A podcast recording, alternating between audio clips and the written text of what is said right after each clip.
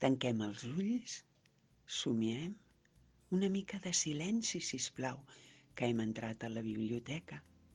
N'hi ha tants de llibres i contes bons per llegir que no sé mai quin triar. A veure, què et fa patxoca? Mm, sembla interessant. Als llibres s'hi troben les millors històries, divertides, tristes, d'amor o d'aventures, que cadascú triï la que li agradi més. Només cal posar-se còmode, obrir el llibre i deixar que la imaginació pinti els fulls de colors a mesura que es van passant. Ho provem amb aquest? La princesa i el pèsol. Hi havia una vegada, en un país molt llunyà, un jove príncep que desitjava casar-se, però amb una princesa de veritat. Havia recorregut els set mars, escalat totes les muntanyes del món i lluitat amb els més ferotges dracs per poder trobar una princesa de debò. Però, pobre príncep, no havia tingut èxit. A més a més, que no eren veritables princeses, totes tenien un defecte o altre. Unes eren molt xerraires, altres massa callades, unes molt, molt altes, altres molt baixes, algunes tenien el nas molt gran i d'altres molt petit, en fi, que el príncep del nostre conte començava a estar una mica desesperat.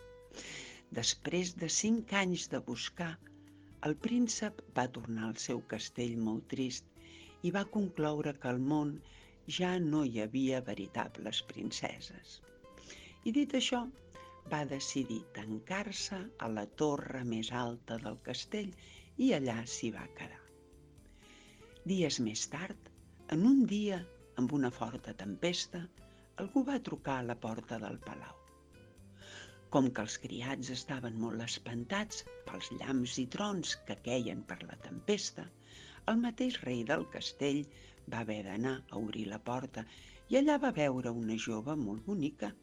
Portava un vestit de seda blau llarg, teixit amb fils d'or i sabatilles de vidre, com la ventafocs. La noia, pobreta, estava completament xopa i les seves sabates deixaven anar força aigua a cada passa que donava més, les llargues trenes fetes amb el seu preciós cabell negre estaven també molles i regalimaven aigua com una font. Sa majestat, sóc una princesa i estic perduda. Podria passar la nit al seu palau? va dir la jove fent una reverència. Una princesa? va pensar el rei. Doncs anem a veure si és cert. I se'n va endur la princesa a una de les estances de palau perquè es canviés la seva roba humida.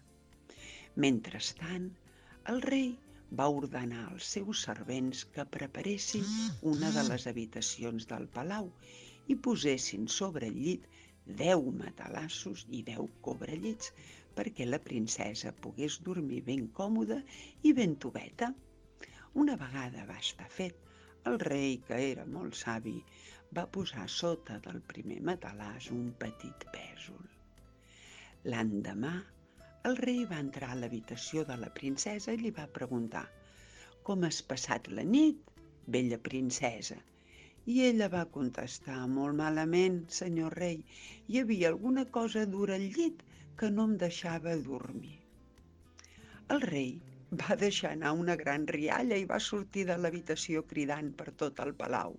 És una princesa de veritat, és una princesa de veritat, perquè només una princesa de veritat pot ser tan sensible com per notar un pèsol sota de deu matalassos. Va pujar corrents fins a la torre més alta del castell on era el seu fill, el príncep, i li va explicar tot el que havia passat.